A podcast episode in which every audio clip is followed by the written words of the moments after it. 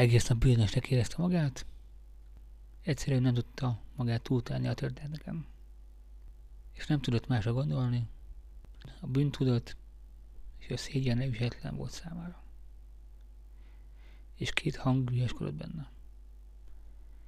Az egyik szerint, ne aggódj emiatt. Nem te vagy az első orvos, aki lefeküdt a betegével. És nem is te leszel az utolsó. Különben is. Egyedül álló fiatalember vagy. Ne problémázz ezen. Így az egyik hang. Mire más hang? Kérhetetlenül zökkentette vissza a valóságba. Te állatorvos vagy, vaza.